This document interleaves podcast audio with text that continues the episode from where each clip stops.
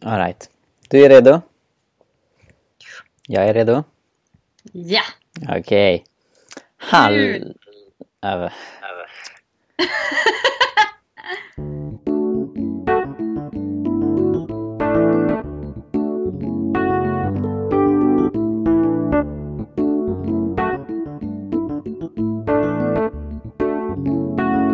Hallå, hallå, hallå! Hej! Välkomna till Jesusfolket. Välkomna. Vet du vad Sara? Vadå? Man hör mig i dina högtalare. Vad bra! Som du kanske Kul. kunde koppla i hörlurar. Nej. Jo, gör det. Man, allt jag säger upprepas. Men då säger du saker två gånger så betonas det. Sätt i hörlurar Sara. Du ska aldrig köra. Hallå, hallå, hallå! Välkomna till Jesusfolket. Mitt namn är Mikael. Jag är Sara. Ja, det är du. Och eh, Sara, du skickade en, ett poddavsnitt till mig häromdagen. Eh, som var bra trots att det inte tillhörde Jesusfolket, din kristna podd, i vardagen. Berätta om, om det. Eh, ja, nej men jag, jag, eh, jag gillar en pred, amerikansk predikant som heter Francis Chan. Eh, och så snubblade jag in på hans ehm, podd, typ, som heter Crazy Love Podcast, tror jag. Mm. Helt enkelt. Och så, ja, så, så började jag lyssna på en, en predikan som han och hans fru Lisa höll på en, eh, en konferens för, för, eh, krist, eller så här, för de som håller på med, med marriage ministry. Mm. Eh, och så pratade de om äktenskapet utifrån att de har, ja, hade då i alla fall, jag vet inte hur länge sedan det var, men hade då skrivit en, en bok tillsammans. Och det är den absolut bästa äktenskapsundervisning jag har hört. Mm. Eh, Samma här. dock har jag inte så mycket erfarenhet av äktenskap rent praktiskt. Jag tyckte att de hade otroligt mycket poänger som jag inte har hört någon säga förut. Mm. Eh, det som var egentligen deras huvudpoäng var att, så här, att äktenskapet egentligen inte har något som helst värde i sig. Mm. Eh, utan att det handlar om någonting så mycket större. Att Mm. det handlar om Gud och hans plan för världen. Eh, Mm. och att få vara tjänare i det. Och att äktenskapet handlar om att man tjänar bättre. Att vissa människor tjänar bättre tillsammans helt enkelt. Eh, och att ja, att äktenskapet i sig lätt blir en avgud. Precis. Och att man så här, typ, pratar som om, som om Bibeln handlar jättemycket om äktenskap. Men om man tittar i Nya Testamentet, Mm. vad som faktiskt sägs om äktenskap, så är ju Bibeln egentligen väldigt kritisk till äktenskap. Alltså Mm. inte så här typ att ni ska inte gifta er hos sambo. Utan eh, Bibeln är mycket mer, alltså, pratar om äktenskap på ett sätt som så här, Sätter det i baksätet. Ja, verkligen sätter det i baksätet. Sätter Mm. sätter det i perspektiv att det finns otroligt mycket viktigare sa- saker i livet.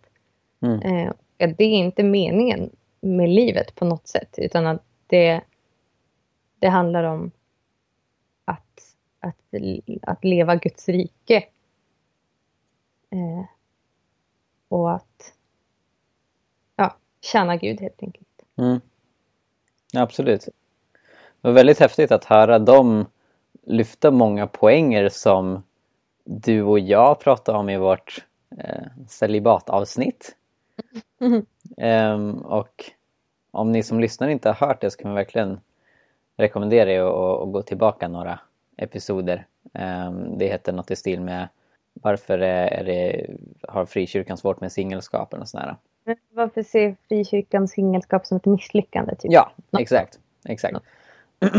Så ehm, där pekar vi just på hur äktenskap, eh, medan det är gott så är det inte godast. Och, och, liksom, och det, är Mm. inte, det är inte det som Gud förväntar sig av alla.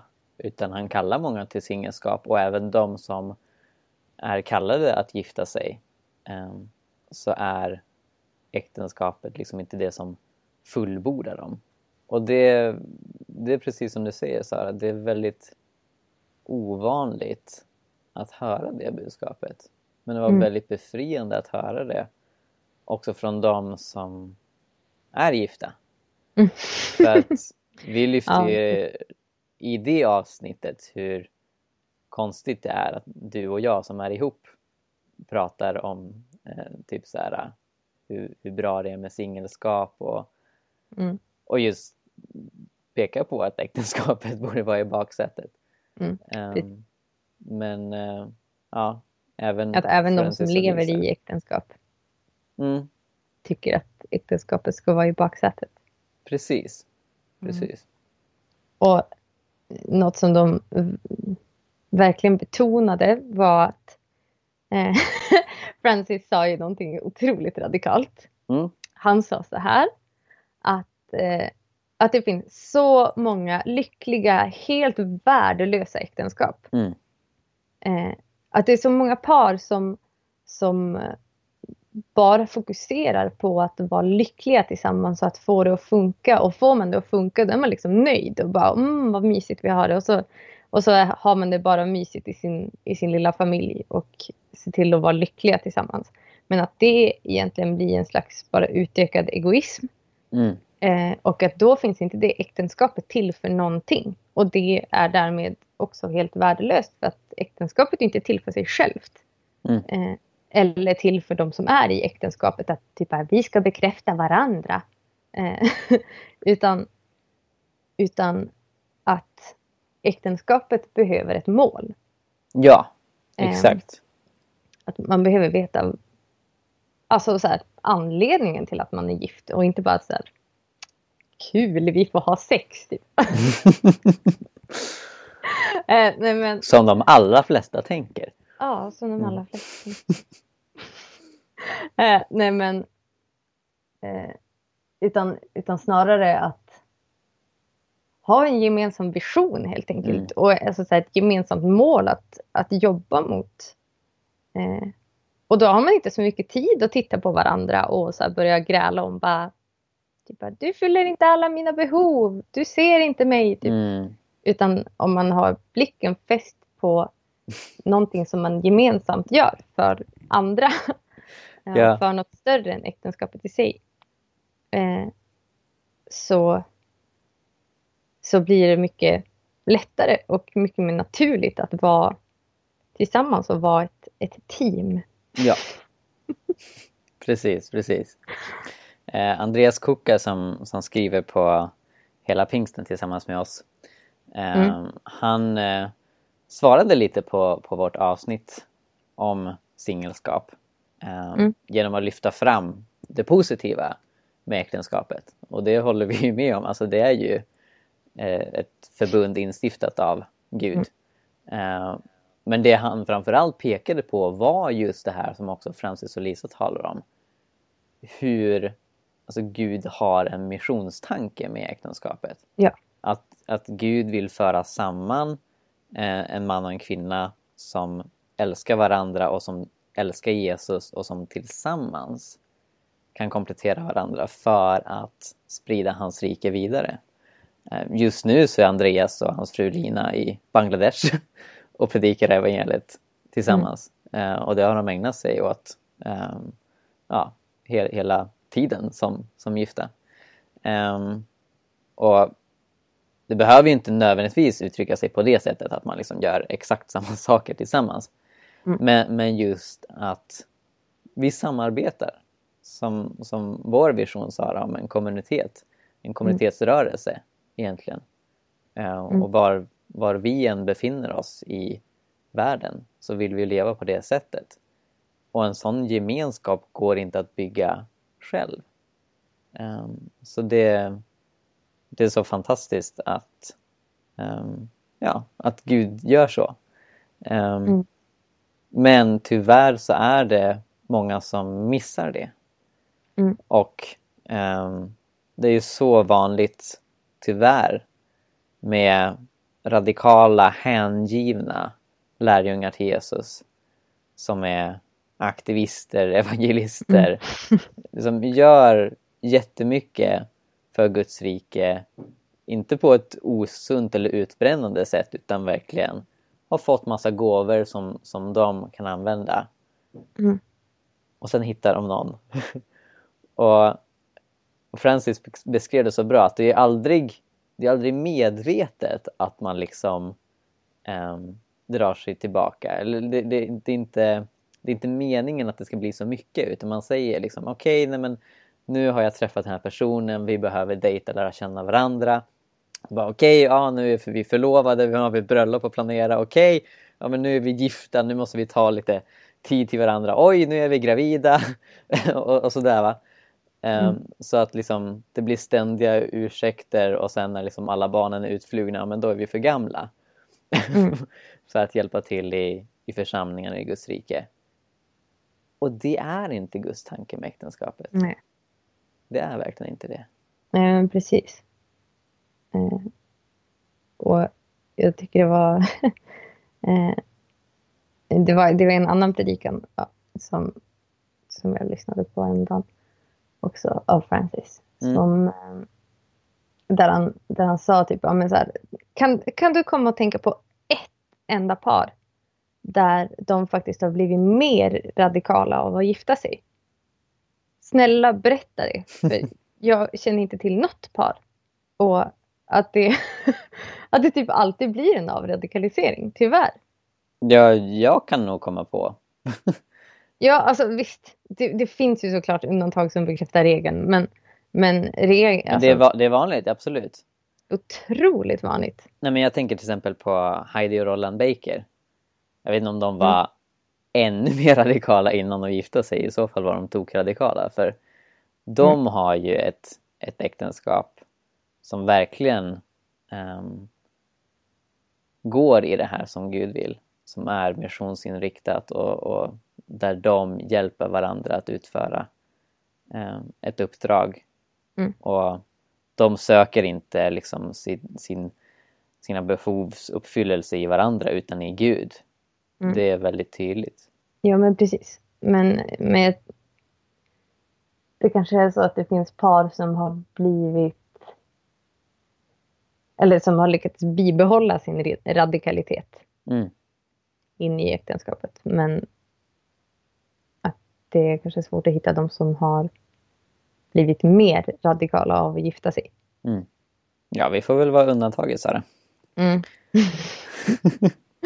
ja, eller i alla fall bibehålla radikaliteten. Oh ja. Oh ja. De har. Nej, men det är ju ofta så att studenter och pensionärer är ganska ofta motorn i en lokal församling. Det är väldigt Mm. ofta studenter och pensionärer som ger mycket till välgörenhet och mission. Medan barnfamiljer i en bred bemärkelse, alltså inte bara nyfödda barn utan liksom, ja men ma- mamma, pappa, barn liksom. Eh, sitter på mest pengar. Eh, av förklarliga skäl inte mest tid. Men ändå på något sätt starka i livet. Mm. um, men där tenderar engagemang och givande vara mindre. Um, för att man blir mer inåtfokuserad. Och det är som att man ofta vill försvara det och säga ja men de, de har ju barn och de är familj och så vidare. Mm. Och då är det okej. Mm, och eh, inte bara okej, det är någonting som ska applåderas. Ja, precis, precis. Ja, men vad bra att de sätter sig själva i första rummet. Mm. Men varför är det bra? Mm. På vilket, var, var står det i Bibeln att det är så det ska vara? Nej men precis, för Bibeln säger ju typ att att ni som är gifta ska, ge, ska leva så som, ni in, som om ni inte är det. Ja, precis. Alltså inte på det sättet då att man ska så strula runt med en massa. så, eh, utan så här att... eh, För det han pratar om är, är skillnaden mellan den som är gift. Eh, att den, den söker hela tiden att, att göra sin fru eller man glad Mm. eh, och nöjd. Medan den som, den som är ogift har, har Gud för ögonen och hans rike. Mm. Eh, och att de som är gifta, alltså att det är helt enkelt fel att Mm. sträva efter att bara göra en andra glad. Utan Mm. att istället tillsammans eh, leva som om man inte är gift och Mm. faktiskt ha Gud för ögonen. Eh, och att sträva efter hans rike. Precis. Det är det Bibeln säger. Och Ja. det, alltså så här, Bibeln är väldigt radikal på det sättet. Alltså Mm. i förhållande till familj, alltså familjens vikt i livet. Typ. Alltså när, när Jesus egen familj kommer fram till honom. Typ, Hallå, vi är här nu. Och han typ, men vem är min mamma och vem är mina syskon? Mm. Och, så, att, ja, men, och så här, de, de, som inte, de som inte hatar sin familj i jämförelse med kärleken till mig och kärleken till Gud, de, de hör inte hit. Mm. Eh, och det är Tämligen radikalt. jätte, jätteradikala ord. Och Ja. ja. bara, wow! eh, hör jag dit? Typ. Men, men fortfarande, alltså Bibeln pratar ju aldrig om en flufffamilj. Nej, om en så här exakt. liten familj som bara, vi ska myskväll på fredagar. Let's dance med tacos. Ja, men alltså så här, Och och det, är kanske, chips. det, det är kanske inte, inte något fel på det i sig. Jo, Så, det är jättefel Sara.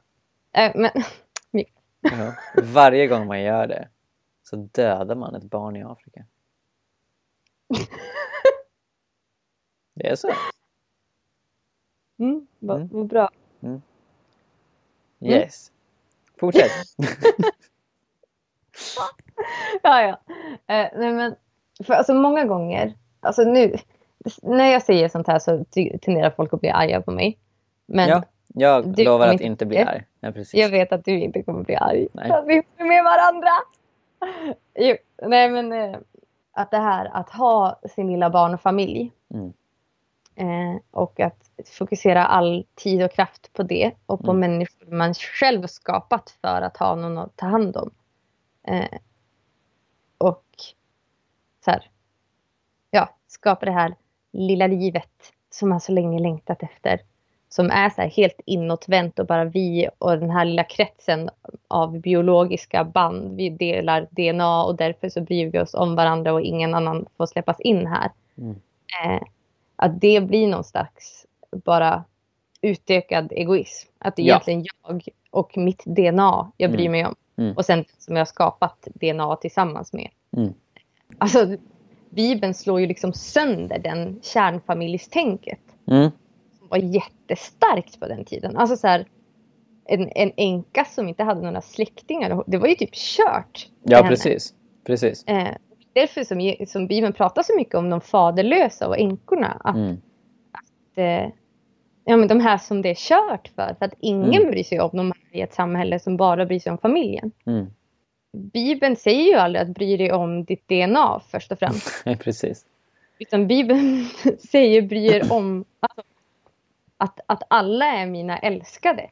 Mm. Och den som inte tar in och, och, och alltså, tar sig an den faderlösa och, änkan, den tar, in, den tar inte emot mig. Mm. Alltså, Ja, exakt. Inte Jesus. Då tar man inte emot Sara Stenmark. Tänk på det, egoist. Tragiskt. Tänk på det. Nej, men, eh, jag kan tänka mig att den bibelkunnige skulle kunna invända till det du säger nu. Ja. Med, säger inte Bibeln att den som inte tar hand om sin familj är värre än den som inte tror? Och det gör den. I första Timoteusbrevet 5 och 8. Det är för övrigt ett bibelord som Sverigedemokrater ganska ofta använder sig av, kristna Sverigedemokrater för att legitimera sitt invandringsmotstånd. För då så tolkar de familj i bredare bemärkelse som folk. Så den som inte tar hand om sitt eget folk är värre än den som inte tror. Och i deras ögon så tar man inte hand om sitt folk om man tar emot en invandrare för då är det någon pensionär som inte får sylt på pannkakorna. Det är ett genuint argument som användes av den kristna sverigedemokraten Gunilla Gomér i en Dagen-artikel för typ två år sedan. Men i vilket fall, kontexten i det Paulus säger i första Timoteusbrevet 5.8 det handlar just om änkor. Det handlar precis om änkor. Och han eh, adresserar ett problem i Timoteus församling. Att de hade väldigt många änkor där som de eh, gav mat till. De kanske hade en egendomsgemenskap som, som såg till att liksom, de fick det de behövde. Eh, men det var så pass många änkor att resurserna började sina. Och Paulus poängterar att det finns vissa av de där änkorna som har familjemedlemmar i livet. Mm. Så de, de har liksom en bror eller morbror eller så, manlig släkting för det var ju typ bara männen som hade inkomst i livet som, som struntar i dem. Mm. Och då för att de som har störst behov, det vill säga änkorna som inte har någon släkting i livet, för att de ska få den hjälp som de behöver från församlingen så säger Paulus, säg till dem som inte hjälper sina släktingar eh, att om man inte tar hand om sina närmaste och särskilt sin egen familj så har man förnekat tron och är värre än den som inte tror. För Paulus poäng är att församlingen ska ta hand om de mest nödlidande. Och det han pekar på, det är inte någon värdeprioritering. Att jag ska ta hand om min familj för att, för att jag ska se till att de är rikare än andra. Och liksom, för det här är min familj och vi ska ha vårt eget lilla slott eh, och liksom ha det bra. Utan det är en ordningsprioritering. Att det är ju det är alltid, kommer alltid vara mest naturligt att börja, börja gräva där man står så att säga.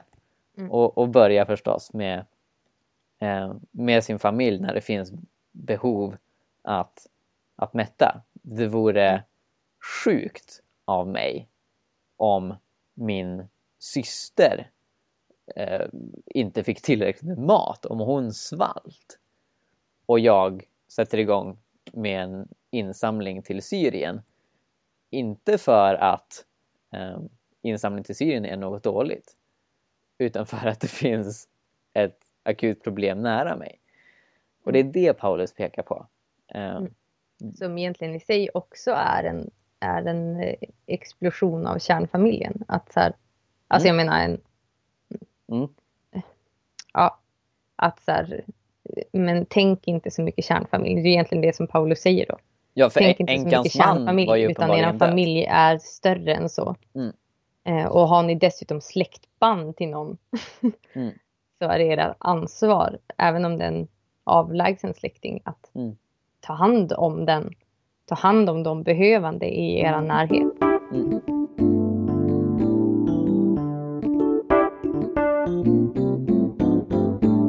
Francis tog upp att det finns dubbelt så många kyrkor i USA som barn på fosterhem.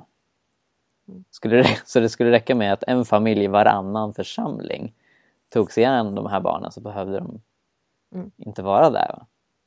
Um, mm. Men det, händer inte. Det händer inte, nej precis. Mm. Och det, han sa, jag, jag, kan inte begripa att det är så. Nej men precis. Men för det tänker jag också, alltså äh, vad ska man säga, en väg ut ur den här eh, utökade egoismen som jag pratade om att kärnfamiljen är. Mm. Eh, att det egentligen handlar om mig och det mina, typ. Mm. Eh, men att adoptera barn eh, gör ju liksom att mitt familjeliv eh, får en funktion. Alltså mm. får, får ett helt annat typ av värde. Det är inte bara så här, ja, att, man, att man skapar sig människor för att ha något att ta hand om. Typ. Mm. För då kan vi lika gärna skaffa en katt.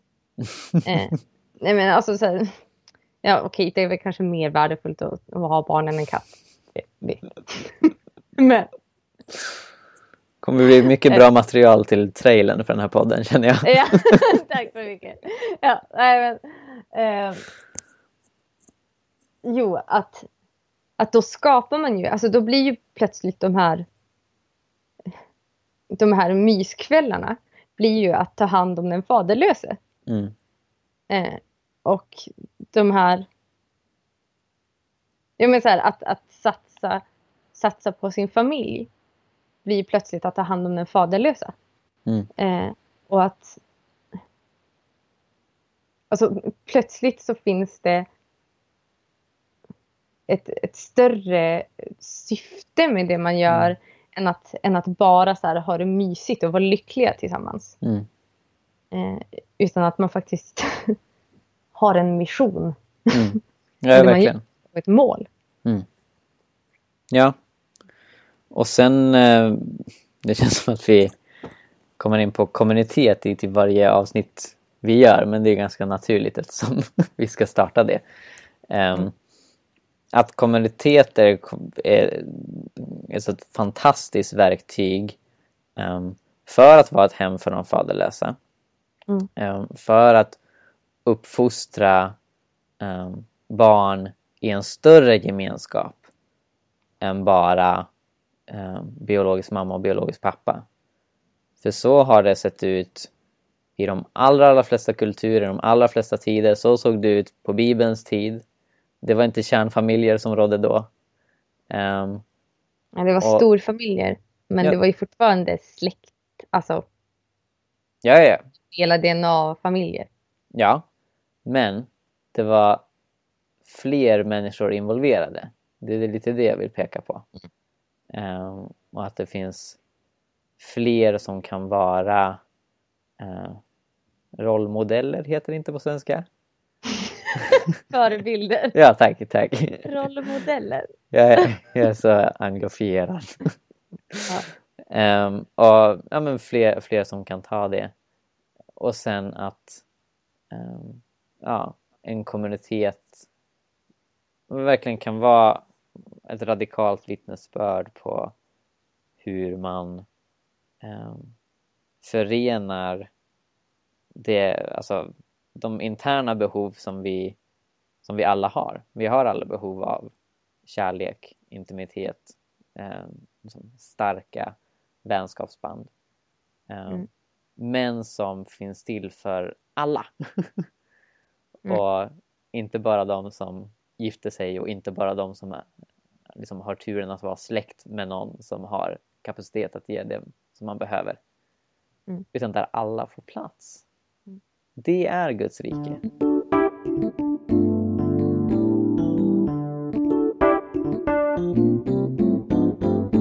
Nu känns det som att vi har kritiserat kärnfamiljen och barnfamilj otroligt mycket här.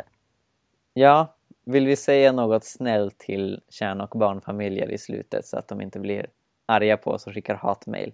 Ja, men vi kan ju sammanfatta lite. Mm. Att äktenskapet har inget värde i sig självt. Mm. Alltså att två människor är lyckliga med varandra, det är så här... Woho, ni är lyckliga, vad kul. Eh, men, men så här... har det så mycket evighetsvärde? Jag vet inte. Eh, och jag tror att, att det är lättare att vara lyckliga med, med varandra om man kämpar för någonting tillsammans. Mm. Eh, och att äktenskapet behöver ett mål. Mm. Eh, någonting som man kämpar för. Och att Bibeln pratar om att ta hand om de faderlösa. Mm. Vilket är svårt. Mm. Eh, och eh, det jag är kritisk till med kärnfamiljen är att den är stängd. Alltså kärnfamiljen är inte dålig i sig. Verkligen inte. Den är fantastisk i sig och kan Mm. vara ett underbart verktyg för Gud att använda. Alltså fatta, fatta att som ett, som ett barn från jättetrasiga förhållanden får komma in i en fungerande hel familj Mm. med människor som älskar varandra och älskar det här barnet som kommer dit. Mm. Det är ju ett fantastiskt verktyg. Mm. Eh, och jag tror att, att det blir lättare om man, alltså, om man själv har barn också. Mm. Eh, men att, att risken är att man blir bekväm och nöjd och trygg i sin lilla kärnfamilj. När Gud vill något mer. När Gud Mm. vill använda det för sitt större syfte. Eh, Exakt. Och det är det jag menar är kritiken med kärnfamiljen. Eh, och att jag tror att vi behöver våga mer.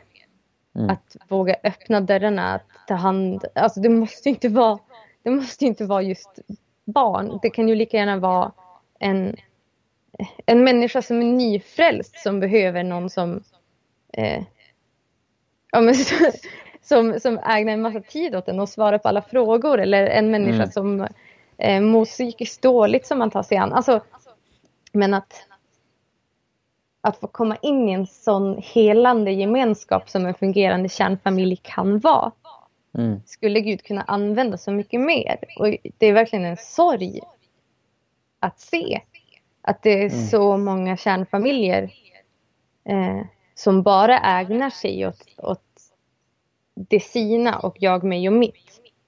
När, när Gud vill något större, när det finns ett mål och ett syfte med kärnfamiljen också. Mm. Egentligen. Men att vi liksom inte grabbar tag i det målet utan att vi bara Mm. sitter kvar i våran lilla båt utan att ro framåt. Ja, amen. Precis, exakt så. Mm. Och för alla er som känner er träffade av det här avsnittet, vår poäng är förstås att varje familj kan bli en sån Ja. missionell familj Verkligen. eh, genom att svara på, på det kallet. Mm. Dåligt samvete är en bra sak, för då ja, vet man då vet, då vet man att man har en moralisk kompass. Så om, verkligen. om, om ni känner så här Ja, ni säger att jag måste adoptera och att jag måste inkludera andra. Ja, men det är bra att du reagerar på det Mm. i så fall. Och, och be till Gud om det. För det, det tror vi verkligen är något som, som han utmanar oss alla i. Amen. Amen! Tack så jättemycket Sara Tack för Mikael. detta berikande samtal. Och jag ser fram emot vår framtida familj. Mm. Så Nej! Okej. våra Det där 15 blev adoptivbarn. Nej Mikael. Jo. Jag ser fram emot, jag ser fram emot vår kommunitet. Ja, jag också. Och med det så vill vi tacka Spännande. våra lyssnare för att ni har lyssnat. Gilla oss på Facebook, prenumerera i podcastvärlden